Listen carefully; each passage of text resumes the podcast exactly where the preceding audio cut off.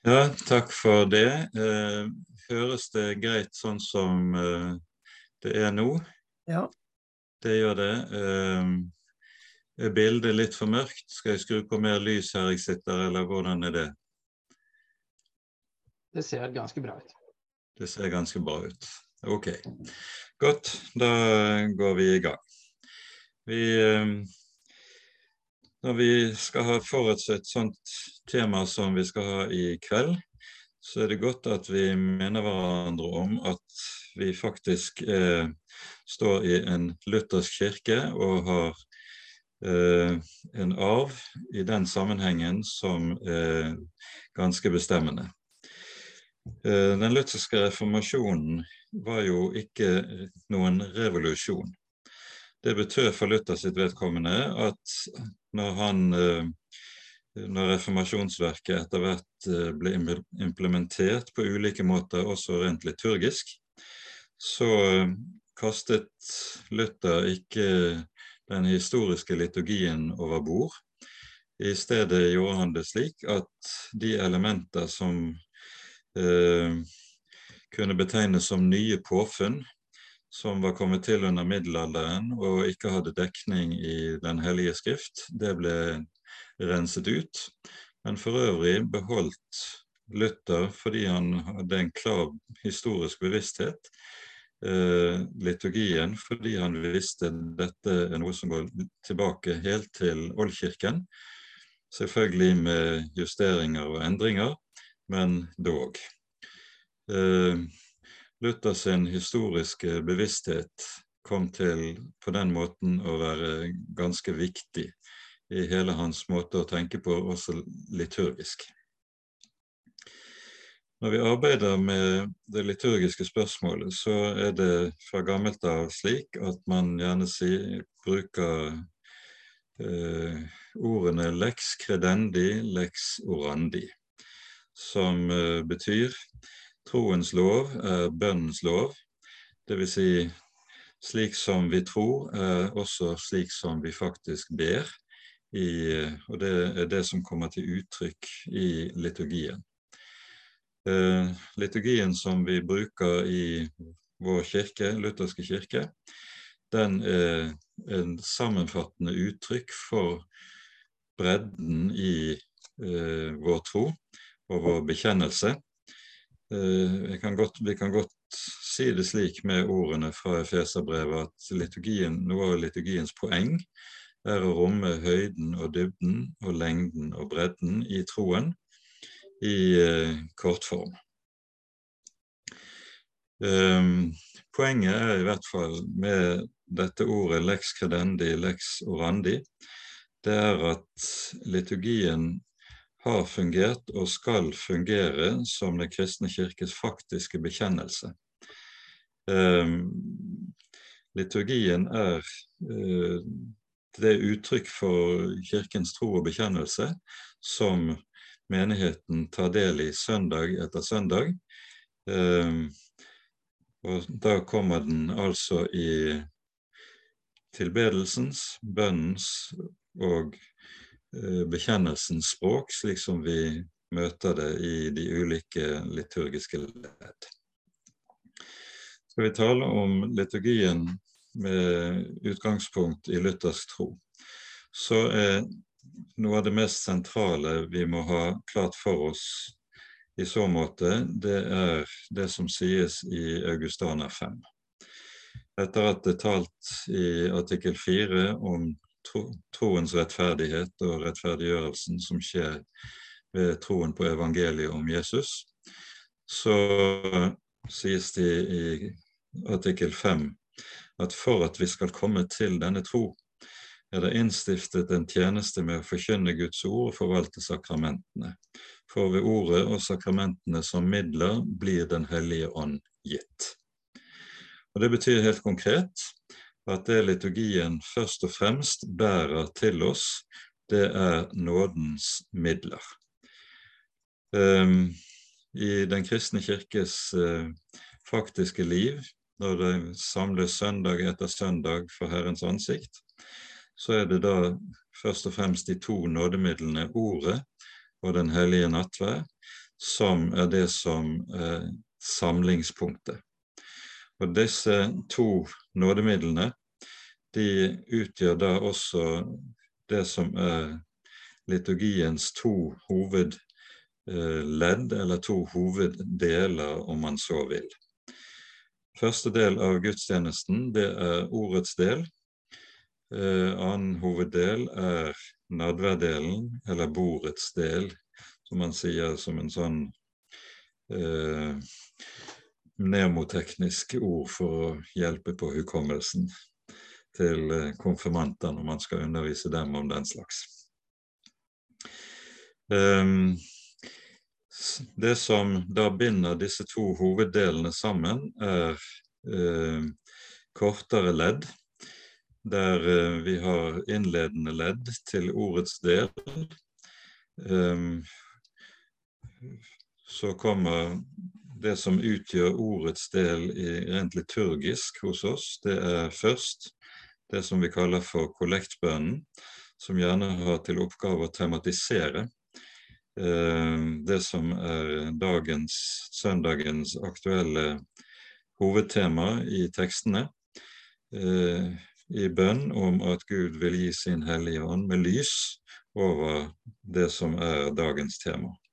Så kommer tekstlesninger og preken, og som menighetens svar på det hele kommer ordene 'vi tror'. Det er trosbekjennelsen som er menighetens så å på at det budskapet som har lydd fra Herrens ord, det er tatt imot i tro og takk. Derfor er det viktig også å være klar over at trosbekjennelsen, sånn som den lyder i Kirken, den er ikke bare en uttrykk for en tørr eh, repetisjon av det som er troens grunnsannheter, trosbekjennelsen er også i sitt vesen tilbedelse. Eh, og Som sådan er det ganske så viktig å være oppmerksom på. Så kommer mellomleddet mellom ordets del og bordets del. Det er bønnene, der menigheten ber for de ulike forhold i kirke, samfunn, verden og verdensmisjon osv. Ehm, og dette er jo bønner som er formulert på uttrykkelig apostolisk eh, befaling, der vi hører f.eks. Paulus i 1. Timotius brev sier uttrykkelig at det skal gjøres bønner for konger og alle i høy myndighet osv.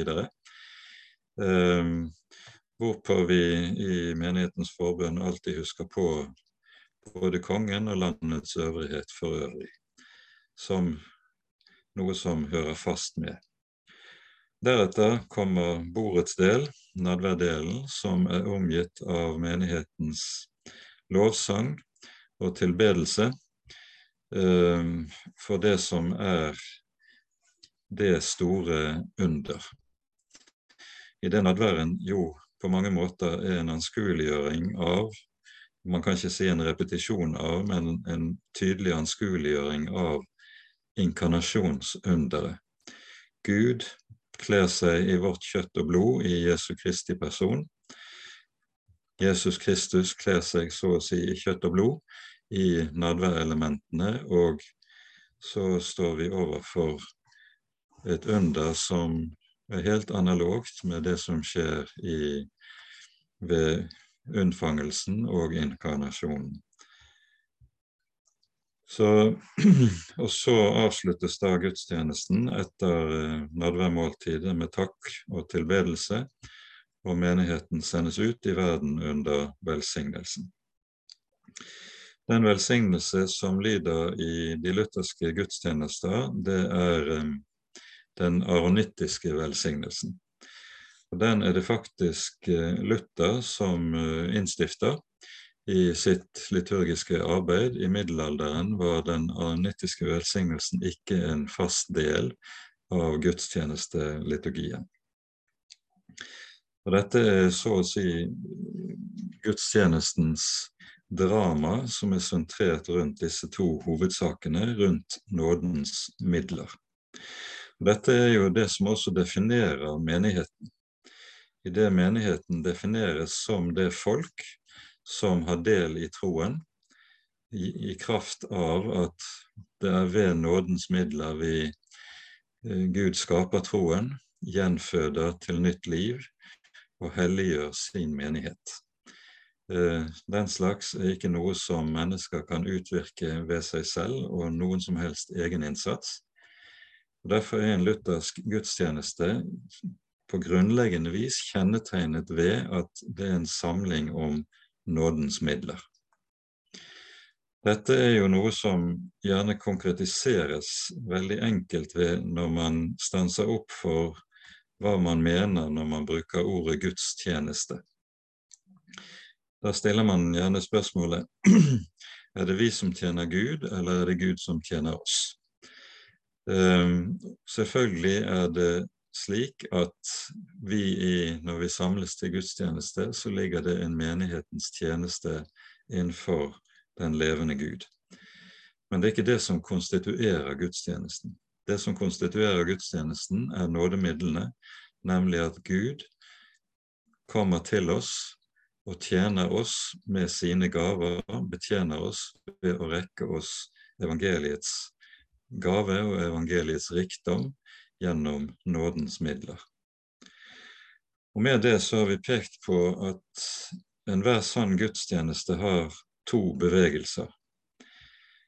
Den ene bevegelsen består i det som kommer ovenfra og kommer ned til oss, nemlig gavene i nådens midler, det at Gud, vi tror at Gud ved Den hellige ånd kommer til oss i ordet, skjenker oss evangeliet, og ved evangeliet gir liv. Og ved bordet i Den hellige nattverd kommer han til oss, skjenker oss sine gaver, evangeliet, ja, skjenker oss sin egen sønns kjøtt og blod. Og Dette er den store gave som gudstjenesten er. Og menigheten, En luthersk menighet er rett og slett definert i kraft av dette. En luthersk menighet er det folk som samles om og lever i kraft av nådens midler. Det er dette som er en evangelisk-luthersk gudstjeneste. Det Gud gir oss i gudstjenesten, det skaper et svar fra menigheten. Og menighetens svar, det er det som kommer i våre bønner, i vår tilbedelse, i vår lovsang og i vår bekjennelse. Og Dermed så har du de to bevegelsene. Det ene hovedbevegelsen ovenfra fra Herren til oss med Hans gaver, og den andre bevegelsen, vårt svar, gjensvaret som kommer med takk, tilbedelse og lovprisning til vår Herre og vår Gud. Eh, på mange måter så er det slik at uh, ordene i Salme 100 kan sies å romme noe av dette i en kjerne. Um, Salme 100 kan vel på mange måter sies å fungere som en type inngangsliturgi til uh, tempelgudstjenesten i Jerusalem. Det er en kort salme på bare fem vers og den eh, begynner da slik.: Rop med fryd for Herren all jorden. Tjen Herren med glede og kom frem for Hans åsyn med jubel.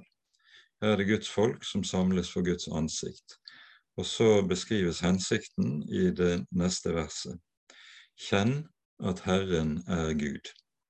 Han har skapt oss, og ikke vi selv, til sitt folk og den jord han før. Det er Guds gjerning, og Poenget med nådens midler er jo at nådemidlene det er Guds gjerning imellom oss og med oss og for oss, for at vi skal eie det nye livet, livet som bare kan virkes og skapes i og ved evangeliet. Kjenn at Herren er Gud, sies det i uh, Salme 100. Og med det så lærer vi også å skjønne hvilken Gud det dreier seg om. Um, I en klassisk luthersk gudstjeneste så vil den innledes med ordene i Faderens, Sønnens og Den hellige ånds navn. I det man gjør korsets tegn, presten gjør korsets tegn, og I mange menigheter er det vanlig at da gjør også menighetens lemmer korsets tegn for sitt eget bryst. Ved dette så understreker inngangsordene i gudstjenesten eh, at det som konstituerer gudstjenesten, er den bevisstheten om hvem den Gud er som vi har med å gjøre når vi samles i Hans hus. Han er den treenige som har helliget oss i dåpen, og korsets tegn minner oss om hva som ble gitt oss i Den hellige dåp. Og så uh, går vi inn det, dette, det som så å si utgjør innsteget i gudstjenesten. Nå uh, er det en tekst i Den hellige skrift som jeg for, mitt, for min del har vært en god del opptatt av i sammenheng med noe av dette. Um, og Det er teksten i Første Mosebok kapittel 28, der vi hører om Jakobs drøm. Um, Jakob er på flukt for sin bror Esau, som har svoret å ta ham av dage etter bedraget uh, når Jakob bedro sin blinde far for velsignelsen. Og så må Jakob flykte, og vi hører han legger seg til ro for å sove over natten utenfor Betel. Og Her er det vi hører Jakobs drøm. Han ser en stige reist på jorden. Eh, øverst på stigen står Herren, og over stigen så stiger engler opp og stiger ned. Og når Jakob våkner av sin drøm, så sier han dette er sannelig Guds hus, dette er himmelens port. Poenget med dette er at stigen anskueliggjør to helt fundamentale ting som um, et gudshus skal være, og som en gudstjeneste også skal bære med seg. Stigen er for det første det som binder sammen himmel og jord. Og En sann gudstjeneste skal nettopp være det. Det er det sted der himmel og jord knyttes sammen. For det andre er stigen det som markerer og symboliserer at her står den hellige Gud øverst oppe og bøyer seg ned til en synder som ligger nede i mørket. Stigen er det som knytter sammen den hellige Gud med synderen, og vi hører hvordan Jakob i forlengelsen av dette mottar løftet. Mottar, Jakob mottar merkelig nok ikke noe bebreidende ord fra Herren eh, når Herren åpenbarer seg for ham, trass i det veldige svik og det veldige bedrag han er skyldig i. I stedet mottar han kun løftet. Og Dette er en anskueliggjøring nettopp av dette poenget. Her er det den hellige Gud som bøyer seg ned til en synder, en synder som ligger i mørket. Stigen er jo, slik som vi hører det i Johannesevangeliets første kapittel, egentlig bildet på vår Herre Jesus Kristus. Han er den som knytter sammen himmel og jord. I møte med ham er det himmel er kommet til jord, han er den hellige Gud som bøyer seg til syndere.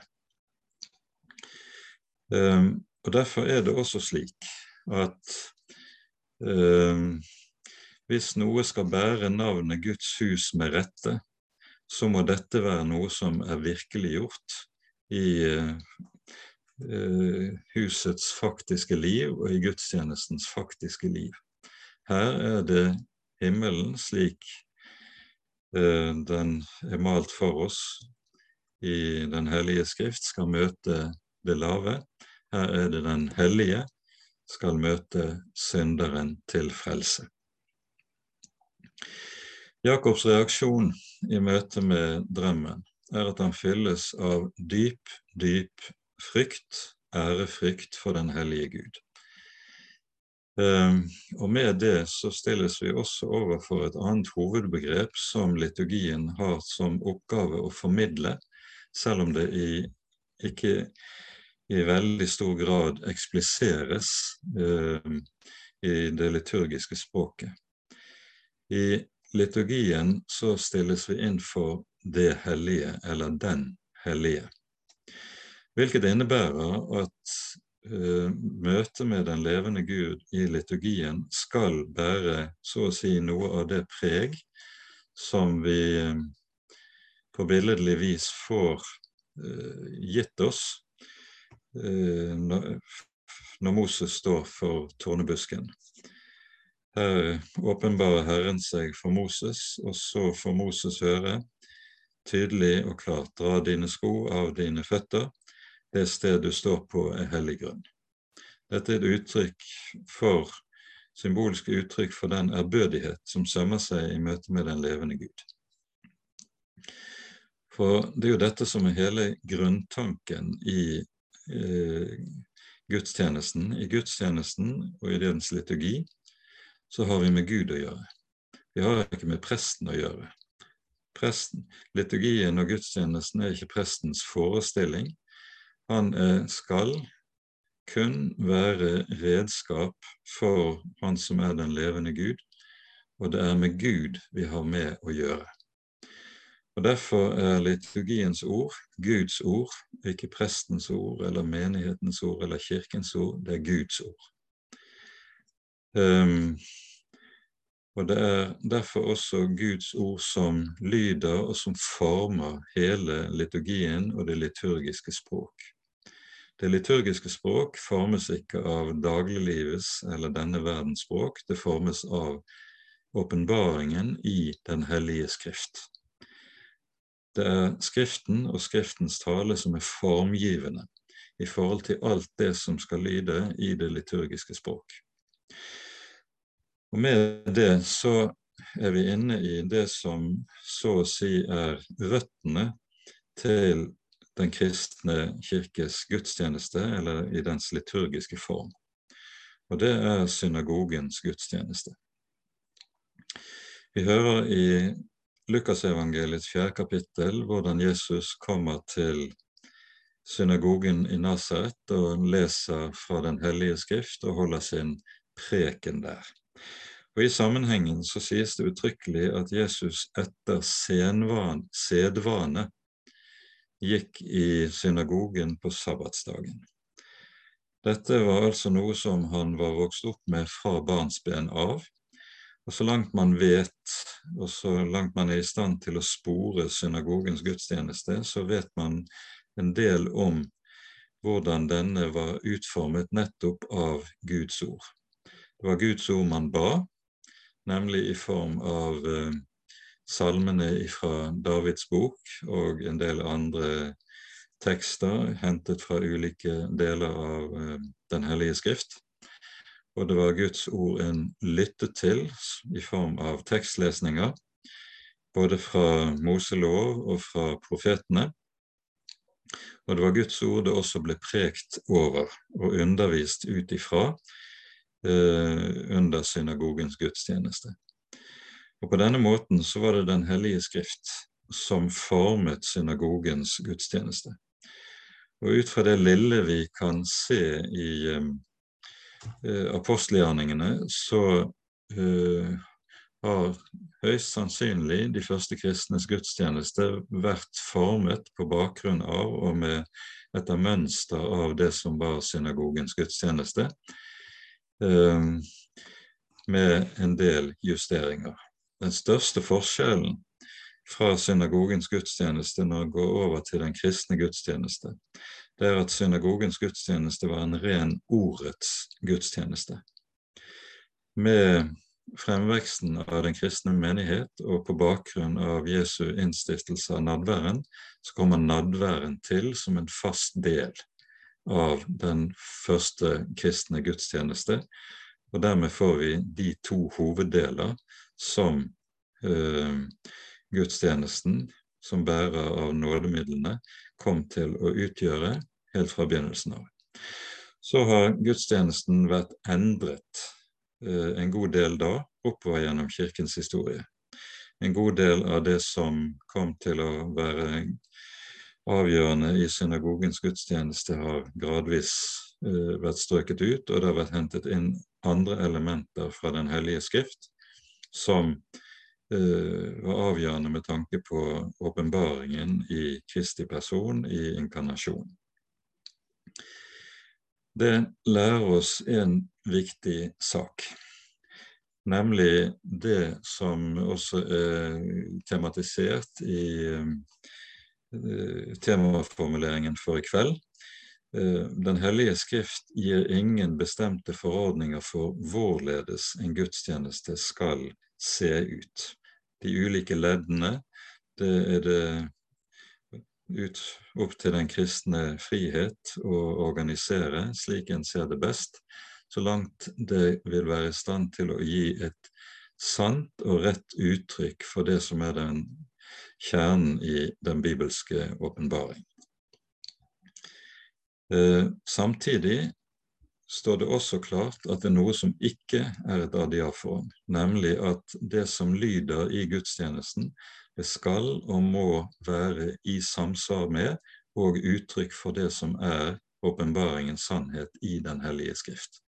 Noe annet enn det som sies og forkynnes i Den hellige skrift, skal ikke og kan ikke lyde i en kristen gudstjeneste. Og I den forstand er uh, liturgien intet adiaforan. Men den er altså et adiaforan i den forstand at vi ikke har noen oppskrift i Den hellige skrift på hvordan en kristen gudstjeneste skal se ut. Dette at uh, vi ikke har noen konkrete forordninger i Skriften uh, for hvordan en kristen gudstjeneste skal se ut, det førte til under reformasjonen at uh, når man fikk fremveksten av den reformerte kirke i Sveits, Calvins og Svinglis kirke, så falt jeg ned på en tenkning at det som ikke er påbudt i Den hellige skrift, det skal vi heller ikke eh, praktisere i kirkens gudstjeneste. Og Dermed satte Calvin en tykk strek over hele den historiske liturgien, eh, noe som kom til å bli eh, retningsgivende, ikke bare for Den reformerte kirke i eh, sitt opphav, men eh, fordi Den reformerte kirke kom til å ha en betydelig innvirkning senere på uh, utviklingen innen pietismen, så kom også lav, de lavkirkelige vekkelsene til å ta inn noe av tenkningen, Calvins tenkning, når det gjaldt eh, forholdet til eh, liturgisk fasthet. Slik at en har ment da at eh, en, eh, den kristne frihet uh, ville komme til å lide under at en hadde faste liturgiske ledd, slik man har hatt det i liturgien. Dette har vel ikke vært helt uvanlig innen lavkirkeligheten, og med dette så er det jo et av temaene i en lang diskusjon som har foregått på dette området, det er spørsmålet rundt den frihet og bundethet eh, i forhold til disse tingene. Og Adiaforen-spørsmålet ligger jo helt klart i forlengelsen av dette. Jeg skal ikke si veldig mye mer om akkurat dette, men det kan være nyttig å være oppmerksom på at det er Calvin sin eh, tenkning som er det egentlig, første egentlige bruddet med en liturgisk gudstjenestetenkning som har vært rådende i Den kristne kirke i 1500 år, helt frem til uh, reformasjonen. Um, så sies eh, det også sagt et og annet om um, at vi skal si et og annet om sangen i den kristne gudstjeneste.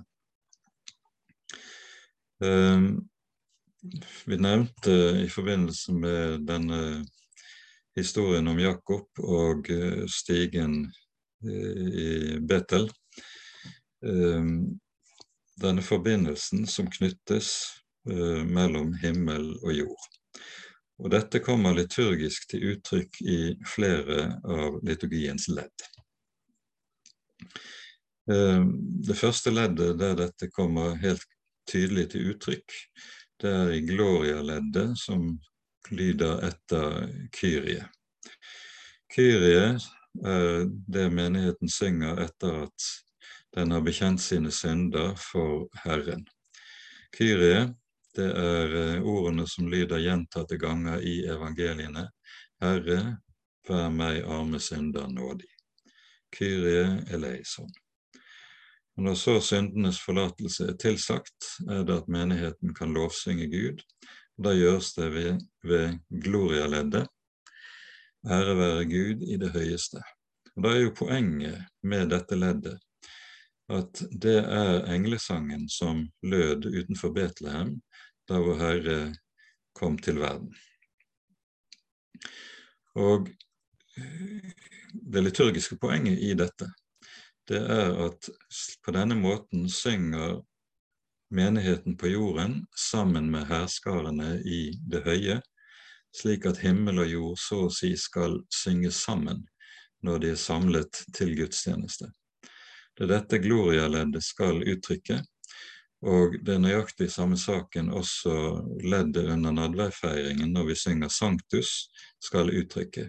Sanktusleddet er engles, eller serafenes lovsang, som vi hører i um, Jesaja-bokens sjette kapittel, når um, Jesaja får se Herren sitte på sin trone, og omgitt av serafene som synger sitt hellig, hellig, hellig, er Herren Sebaot, all jorden er full av Hans herlighet. På ny er det slik at eh, vi som den lille menighet her på jorden skal få synge sammen med hærskarene i det høye. Og slik skal høyden og dybden synge sammen i lovsang, takk og tilbedelse for den levende Gud. Sammen med, dette, med denne sangen hører vi også i eh, sanktusleddet ordene som lød i forbindelse med Jesu inntog i Jerusalem på palmesøndag. Hosianna i det høyeste, velsignet være Han som kommer i Herrens navn. Dette er en av de få restene eh, i vår eh, vestlige liturgi av det som var eh, langt mer rikt utformet i synagogens liturgi, nemlig at en brukte Salmenes bok som eh, eh, sangbok, salmebok, bønnebok eh, når menigheten var samlet. Eh, for her i sanktusleddet henger det jo sammen med at på samme måten som folk... folket hyllet og ønsket Herren Jesus velkommen som frelser når han kom til sitt folk. Se, din frelser kommer til deg, se, din konge kommer til deg. Slik er det i nadværen. Vi takker, tilber og uh, gleder oss med de samme ordene Din konge kommer til deg, Hosianna i det høyeste for nå kommer han til oss i sakramentet.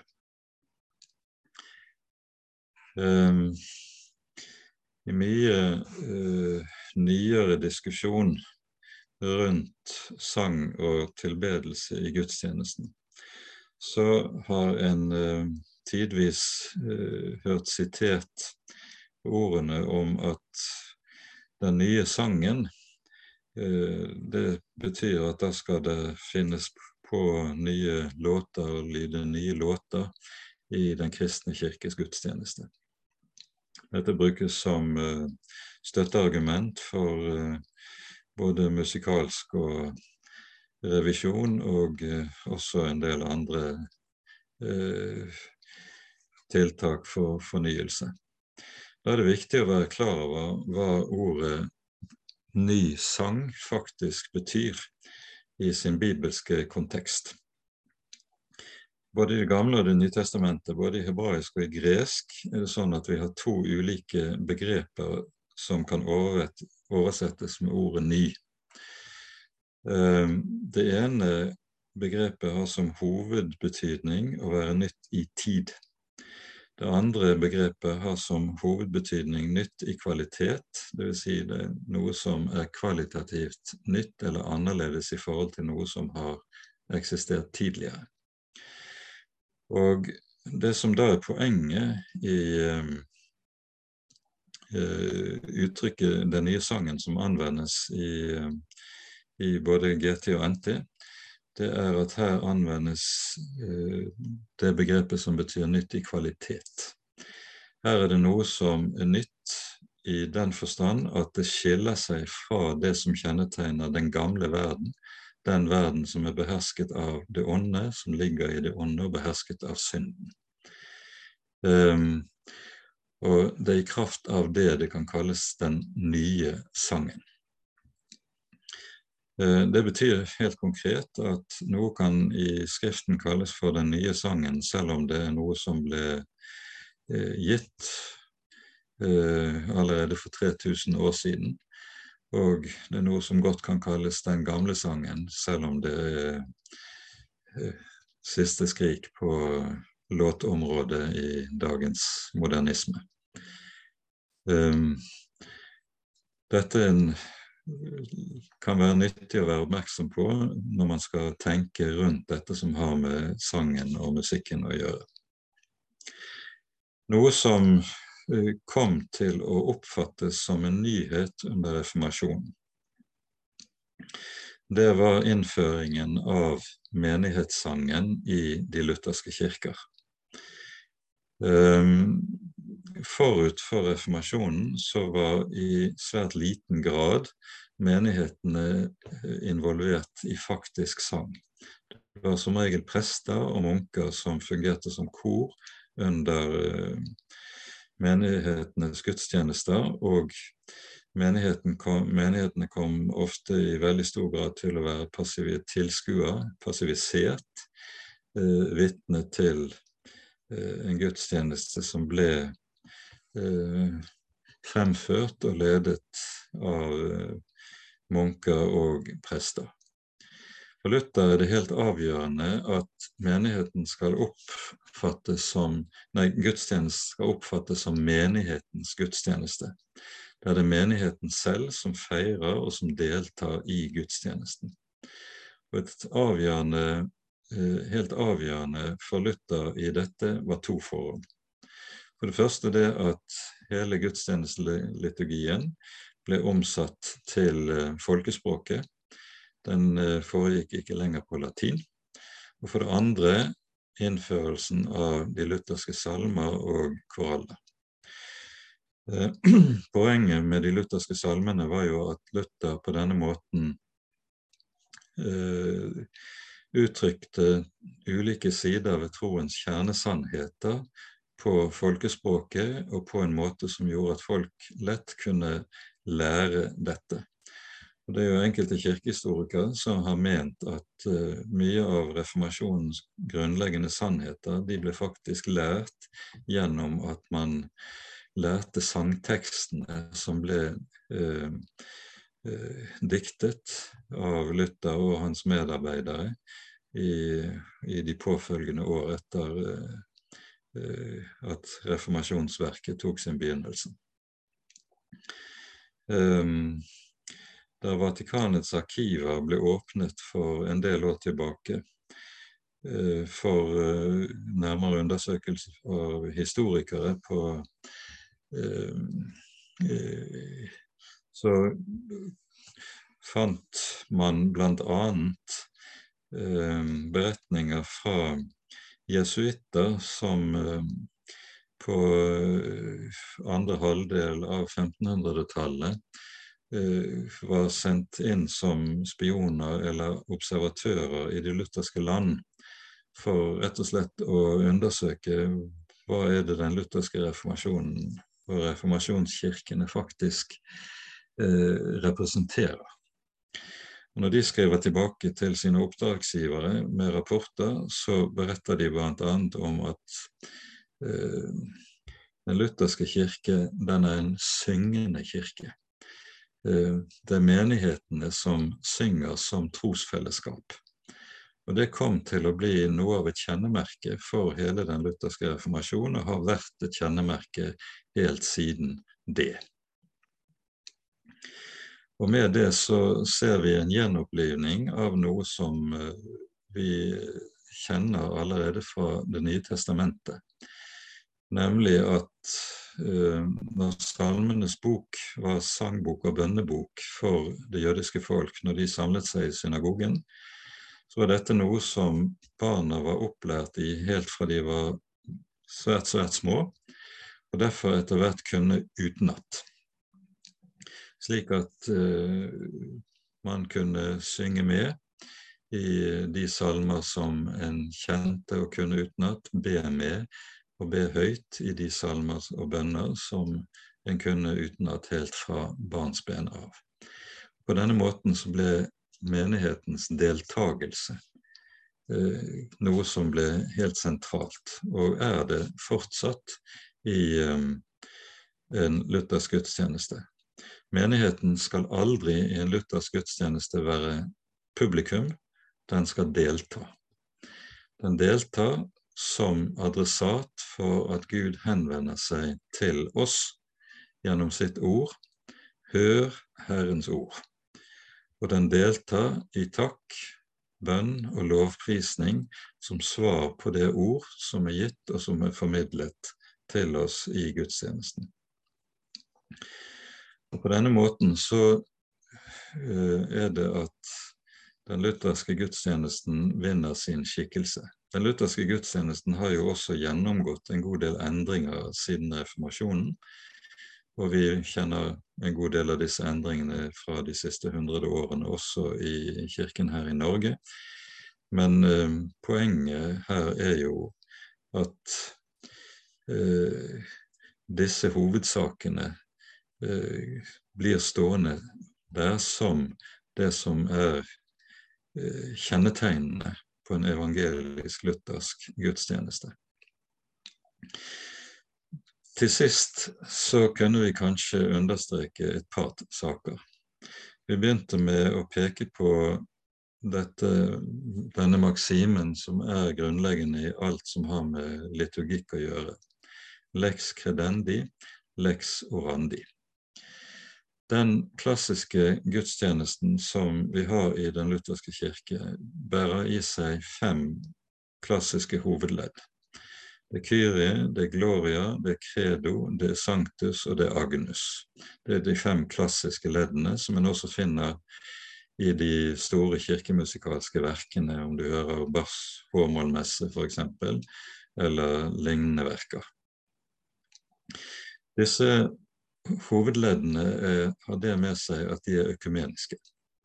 De er noe som er felles for eh, hele kristenheten i den forstand at her kommer det til uttrykk det som hele den kristne kirke eh, tror og bekjenner, uavhengig av eh, konfesjoner.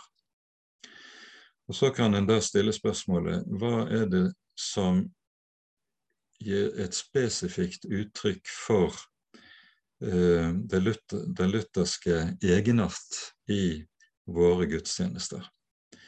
Hva er det, det lex orandi som uh, gjøres gjeldende ganske særlig i vår lutherske kirke? Det er særlig to punkter som her må pekes på. Det ene er kollektbønnen. Kollektbønnen har, slik den har fungert i Den lutherske kirke, vært et, hatt et særmerke som har understreket i bønnens form det som er den lutherske egenarten, egenarten i den lutherske evangelieforståelsen. Eh, og dette da ved siden av det som kommer til oss i de to nådemidlene, ordet skal, som lyder, skal forkynnes som lov og evangelium. Og Den hellige nattverd som kommer til oss, bærer med seg inkarnasjonen. Eh, den inkarnerte kommer til oss i brød og vin. Eh, og dette er også en del grunnleggende side ved den lutherske egenart, som også verbaliseres i det, i det liturgiske språket omkring nadværet. Um, og med det tror jeg at vi har nådd så langt som jeg eh, tenker det kan være greit å gjøre det i denne innledningen. Og så har vi litt tid for eventuelt spørsmål og samtale i, i fortsettelsen. Så jeg sier takk så langt. Da er vi tilbake. Jan, er du der? Jeg er på plass. Det er flott, jeg ser deg. Eh, Frode Granrud er på plass, sier jeg. Ja da, det er jeg. Ja, flott, flott. Da tror jeg vi, vi gir deg først en, en respons, eh, Frode. Du, bare for å si to ord om deg. Du bor her i Østfold, på Hvaler, og er ansatt i NLM som ja, områdearbeider. Stemmer ikke det? Du har helt distriktet her, i hvert fall, som arbeidsområde. Ja. Eh, da eh, kan du gjerne si det du har på hjertet etter, du, etter det du har hørt nå, Jan. Ja, eh, først skal jeg kanskje si et par setninger til av meg selv, bare for å, for å sette meg selv inn i kontekst også. Jeg er teolog, utdannet fra Menighetsfakultetet. Vokste opp mye i Den norske kirke, og var også prest i Den norske kirke i ni år. Men for en syv år siden eh, forlot jeg Den norske kirke fordi jeg merket at det, det, det, var ikke der jeg skulle være, slik som den utviklet seg. Eh, og fikk da denne stillingen min i Norsk Luthersk Misjonssamband, eh, som jeg har hatt siden 2016. Og, eh, og samtidig eh, meldte jeg meg inn i Den evangelisk-lutherske frikirke, så, så familien eh, nå hører til vår lokale menighet av den. Så jeg har et, et ben i Misjonssambandet og et ben i, i Frikirken uh, som det er nå. Så det kan kanskje beskrives som å ha gått i, i en lavkirkelig retning. Um, takk for et uh, interessant foredrag. Uh, det jeg først og fremst sitter igjen med av det du sier, er at det er jammen godt å være luthersk. Eh, og, eh, og det er eh, det er fint å høre hvordan du, du kobler sammen Bibelen, luthersk teologi og, og liturgien og gudstjenestens form. Da jeg forberedte meg til denne kvelden, så bladde jeg opp litt i, i denne boken her, som er et bind av luthersk verker i utvalg, og fant den tyske messen for å lese litt hvordan, eh, hvordan er det Luther eh, skriver om det han har gjort der. Og skal vi se, Er det mulig for meg å, å, å dele et par sitater på skjermen? Host disabled participant screen sharing. Går det an å, å gi meg tilgang til å, til å, dele litt skjerm her? Ja, skal vi se. Se hva vi får til. Det er jeg som må gjøre det. I, ja, i så fall siden jeg eh, Skal vi se, Frode uh, skal vi se Han ligger så nummer tre på Ja, jeg, jeg, finner han. Problemet er at hvis jeg gjør han til host, så forsvinner antagelig opptaket herfra. Eh, og jeg ser ikke hvordan jeg på noen annen måte kan få deg til å dele skjerm. Nei, men da, da, da kan jeg lese opp uh, bare det, det jeg hadde. Gjør det. Han skriver da i, i avslutningsordene til, til, den tyske messen at uh, La dette være sagt om den regelmessige gudstjenesten, altså det som er sagt til nå, og om det å forkynne Guds ord, først og fremst med sikte på å oppdra ungdommen og anspore de enfoldige. Og, og, og, det er interessant at han peker særlig på det, at det er først og fremst med sikte på å oppdra ungdommen og å anspore de enfoldige. Og videre, derfor er det beste at en slik tysk gudstjeneste er innrettet med tanke på ungdommen, og på de enfoldige som tilfeldigvis kommer med. Og litt lenger ute skriver han at for ordninger skal tjene til å fremme troen og kjærligheten, de skal ikke være til skade for troen. Når de ikke mer fyller denne sin oppgave, da er de allerede døde og borte og gjelder ikke mer. Derfor er det ingen ordning som kan bli stående og være gyldig ut fra seg selv, slik man hittil har trodd om de pavelige ordningene.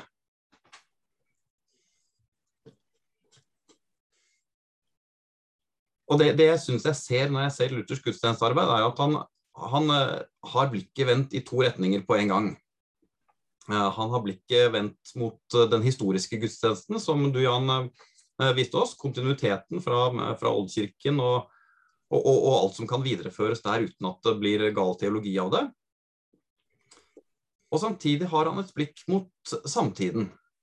Han er opptatt av at den gudstjenesten han lager, den den skal være tilpasset så den kommuniserer med, godt med dem som kom, uh, kommer. Og Det er to grupper han særlig fremhever som den skal kommunisere med, og det er ungdommen og de enfoldige. Uh, og, og, det tvisynet uh, han har der, tror jeg er, er avgjørende for en, en, en, god og sunn luthersk tenkning rundt gudstjeneste. han ga jo også ut mye musikk. Eh, og jeg fant også mm, noen ord fra fortalen til Wittenberg-sangboken fra 1524. Og Der skriver han at når sangene er arrangert for fire stemmer, er grunnen ingen annen enn den at jeg gjerne så at ungdommen, som jo under enhver omstendighet skal og må oppdras i musikk og andre skikkelige kunstarter, kunne ha noe som gjorde det mulig å kvitte seg med uanstendige viser og verdslige sanger, og lære seg noe helsebringende i stedet. Da kunne de få det gode inn med lyst, slik det passer for unge mennesker. Dessuten deler jeg ikke den oppfatning at alle kunstarter burde slåss til jorden av evangeliet og gå til grunne, slik enkelte overåndelige hevder. Nei, jeg skulle gjerne se alle kunstarter, og ganske særlig musikken, i tjeneste for Han som har gitt oss dem og skapt dem. Det er også litt interessant å se at Luther uh, da er igjen særlig opptatt av hva er det som kan tale til ungdommen her, og gjør det mulig for dem å kvitte seg med uanstendige viser og verdslige sanger og lære seg noe helsebringende i stedet. Og, og, og det som tydeligvis, tydeligvis, da var tingen eh, i 1524, det var å arrangere sangene for fire stemmer. Uh, han gjorde det på den måten fordi han mente at uh, det, det, er det som, uh, som særlig ungdommen vil, vil finne attraktivt. og det å ha, ha det blikket for for samtiden, og hva, hva er det som kommuniserer ut i den tiden vi er satt i, eh, er, er viktig når vi, når vi, arbeider med, med Luthers gudstjeneste. Er gudstjenestens form et adiaforon? var um, det innledningsspørsmål til, uh, til denne kvelden. Og, og jeg syns det er um, fint måten du sier både ja og nei på, slik jeg hører deg. Eh, hvis svaret hadde vært et entydig nei, så hadde det blitt veldig vanskelig. For da hadde vi vært veldig avhengig av å feire gudstjenesten på rett måte. Og hvis ikke vi gjør det, så er det enten synd eller vranglære eller begge deler. Eh, det, det, det er viktig å si at, vi, at eh, de enkelte ledd er ikke foreskrevet i Bibelen i, i, i sin form og måten det skal gjøres på. Der, der er vi der, har vi eh, fått en frihet. Og Samtidig er det ikke et adiaforhånd, som du sier. At det som formidles i gudstjenesten, det skal, eh, det, det skal være eh, i samsvar med, med Skriften. Og, og, og, slik skal det også være. Så hvordan lager vi da en gudstjeneste i vår tid? Vi skal i hvert fall passe oss for det jeg tror det var C.S. Lewis som brukte uttrykket 'kronologisk snobberi'. Som er det å si at pga. en tings alder, eller et fenomens alder, er det enten, enten bra eller dårlig. Å si at fordi noe er gammelt, så er det, er det bra uten at vi trenger å argumentere noe mer enn det. heller eller, eller, å si at fordi noe er nytt, så er det av det onde. Eller omvendt. Eh, Tvisynet er godt å, å, ha med seg videre. Både blikket mot, uh, mot historien og det som er, er, gitt oss, og blikket mot, mot, mot, samtiden og det som rører seg rundt oss. Og prøve alt og holde fast på det gode.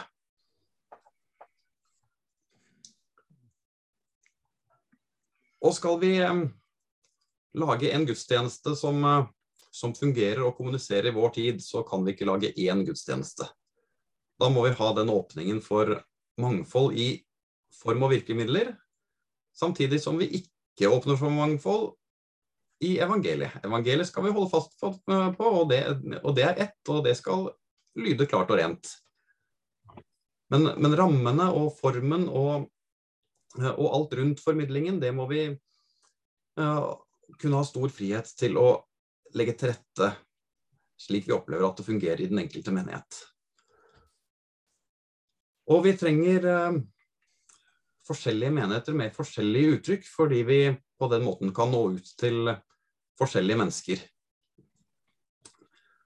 Uh, noen synes at det er flott å merke historiens hus til gudstjenesten og merke at her er vi en del av en tradisjon som går langt tilbake, og bruker ledd og, og, og tekster og, som har vært brukt gjennom generasjoner og århundrer. Andre syns at det kan, kan, bli stivnet og kjedelig. Og da er vi heldigvis ikke forpliktet og, og bundet av noe av det, men enhver Eh, menighet skal få se på hva er det som fungerer overfor de menneskene som kommer hit. Hva er det vi har tro, fått tro for, um, for, å gjøre? Og samtidig skal vi se med stor velvilje på at andre menigheter velger å gjøre det på andre måter.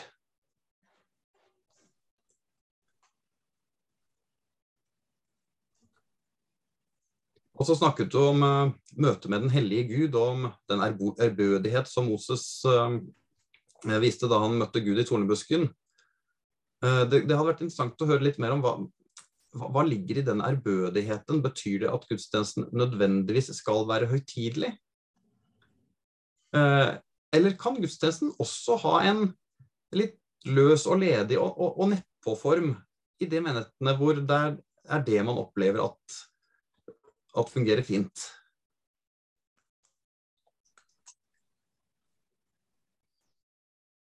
For min del tror jeg at spør du noen om, eh, som går i kirken hva er det som gjør en gudstjeneste god, så vil svarene være variasjoner over tre hovedpunkt, som kanskje vil ha litt ulik vekting. Eh, det vil være forkynnelsen, og det vil være musikken, og det vil være fellesskapet. Og så vil det variere fra person til person hva man legger mest vekt på. Skal vi jobbe godt med gudstjeneste, så, så trenger vi å jobbe godt med, eh, med, med alle tre. Forkynnelsen skal, eh, skal, og må være det sentrale i en luthersk gudstjeneste. og Er ikke den god og, og, og bibelsk, så er hele gudstjenesten mislykket. Samme hvor god musikk og hvor godt fellesskap det er. Og samtidig, hvis, hvis musikken er kjedelig og fellesskapet dårlig og menneskene uvennlige, så hjelper det heller ikke om forkynnelsen er god. For da, da, er det ingen som har lyst til å komme på den gudstjenesten. Vi må finne gudstjenesteformer hvor alt dette medvirker sammen. Eh, og, eh, og holde fast eh, i det sentrale og åpne for stort mangfold i, i, det, i det som ikke er det sentrale. Og i alt dette bygge et godt fellesskap hvor det er godt å komme, og hvor mennesker får lyst til å komme igjen. Både fordi det var god forkynnelse, og fordi gudstjenesten ellers hadde en tiltalende form, og fordi det var hyggelig å være der. Og så er det hver og en av oss sin utfordring å finne ut hvordan skal dette være i de sammenhengene hvor jeg har uh, mulighet til, å påvirke. Hvordan, hvordan, tar vi denne arven videre inn i det fellesskapet hvor, uh, hvor uh, vi hører til?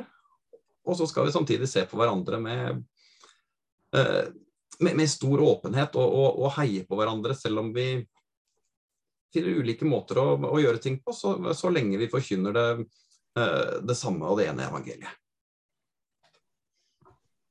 Takk. Takk skal du ha, Frode. Eh, Jan, vil du kommentere eh, noe av det som Frode sa? Og han hadde vel også et spørsmål?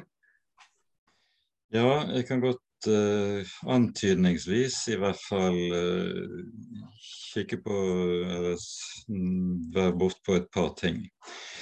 Um, I forbindelse med både det du kommenterer fra Deutsche Messe og Wittenberg-sangboken, der Luther uttrykkelig nevner dette med nødvendigheten av uh, hensyn til oppdragelsen av ungdommen, så leser du det slik, eh, da siterer jeg hva du sier, nemlig at Luther eh, legger opp det hele med tanke på hva ungdommen finner attraktivt. Det er et uttrykk Luther overhodet ikke bruker, og som overhodet ikke er aktuelt i Luthers munn.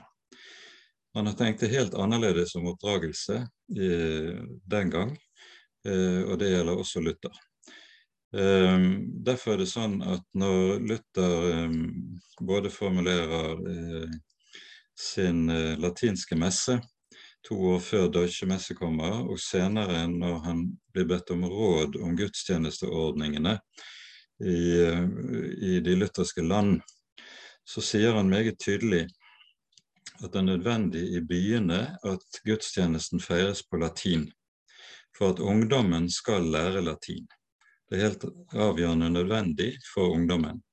Det er altså og er ganske sikkert slik at svært mange ungdommer følte det å lære latin som en pest og en plage, men for Luther var dette ganske avgjørende at, og såpass avgjørende at han anbefaler at gudstjenesten også holdes på latin i de store byene. I tillegg til selvfølgelig at den også foregikk på, på målet. Um, så dette at uh, det ungdommen måtte finne attraktivt, det er absolutt en, en, måte å tenke pedagogisk hos Luther som, som jeg tror er en uh, misforståelse. Man tenkte annerledes om oppdragelsen uh, den gang.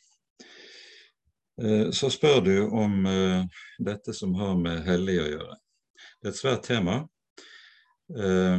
Eh, og Det som er det problematiske i forhold til dette, det er at et av de kanskje viktigste trekkene ved hele den moderne kultur, og det at kulturen er sekularisert, det at vi i dag står overfor den første kultur i historien der intet er hellig.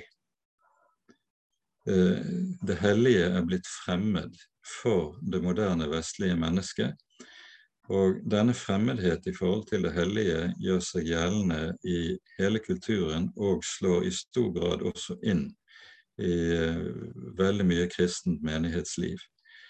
Uh, der du kan se predikanter opptre som standup-artister, der alt som heter ærbødighet for det hellige, blir borte. Uh, Tilsvarende når det gjelder det musikalske språk og uttrykk. Man kan nevne en god del eksempler på dette uten at jeg behøver å konkretisere det veldig, tror jeg. Det hellige forutsetter stillhet. Det hellige forutsetter ærbødighet. Det hellige forutsetter at man bøyer kne. Eh, og der disse elementene blir borte, og man ikke legger til rette for at det kan ligge tydelig inn som en, så å si som en forutsetning i eh, det gudstjenestelige språk, så har man laget en gudstjeneste på det moderne menneskets premisser i stedet for på eh, Skriftens premisser. Um, dette er en stor problematikk, og vi, vi kan nok eh, det er mye å si om det. Jeg har lyst til bare å lese noe som uh, vår tidligere tilsynsmann Ulf Asp sa i et foredrag for i anledning 150-årsjubileet for kirkesamfunnet hos oss. Uh, her sier han følgende. Gudstjenesteliv er ikke konsumentaktivitet. At gudstjenesten eller møtet skal være relevant i betydningen tilpasset det vi liker, det er ikke saken. Å tilbe Gud gjennom ord og sakrament vil være irrelevant for den moderne kultur. Enhver kultur formes ut fra det som er hellig for folk. Det hellige kan være jeg, meg, mitt, eller den treenige Gud. Gudstjenesten er ikke primært at vi får uttrykt noe, men at vi formes av den. Og Det tror jeg er helt avgjørende perspektiv på gudstjenesten. Gudstjenesten handler ikke om at jeg skal uttrykke verken det ene eller det andre, og uttrykke, eh, men at her er det jeg som trer inn og formes av eh, det hellige språket og av nådens midler og det som ligger i det. Dermed så får du en annen innfallsvinkel til hele måten å tenke gudstjeneste og liturgi på enn eh, forbrukerens 'hva har jeg behov for', som uvegerlig vil ende ut i ulike typer pragmatisme når man eh, skal begynne å tenke hvordan skal vi anlegge våre møter. Og det, Der er ikke jeg.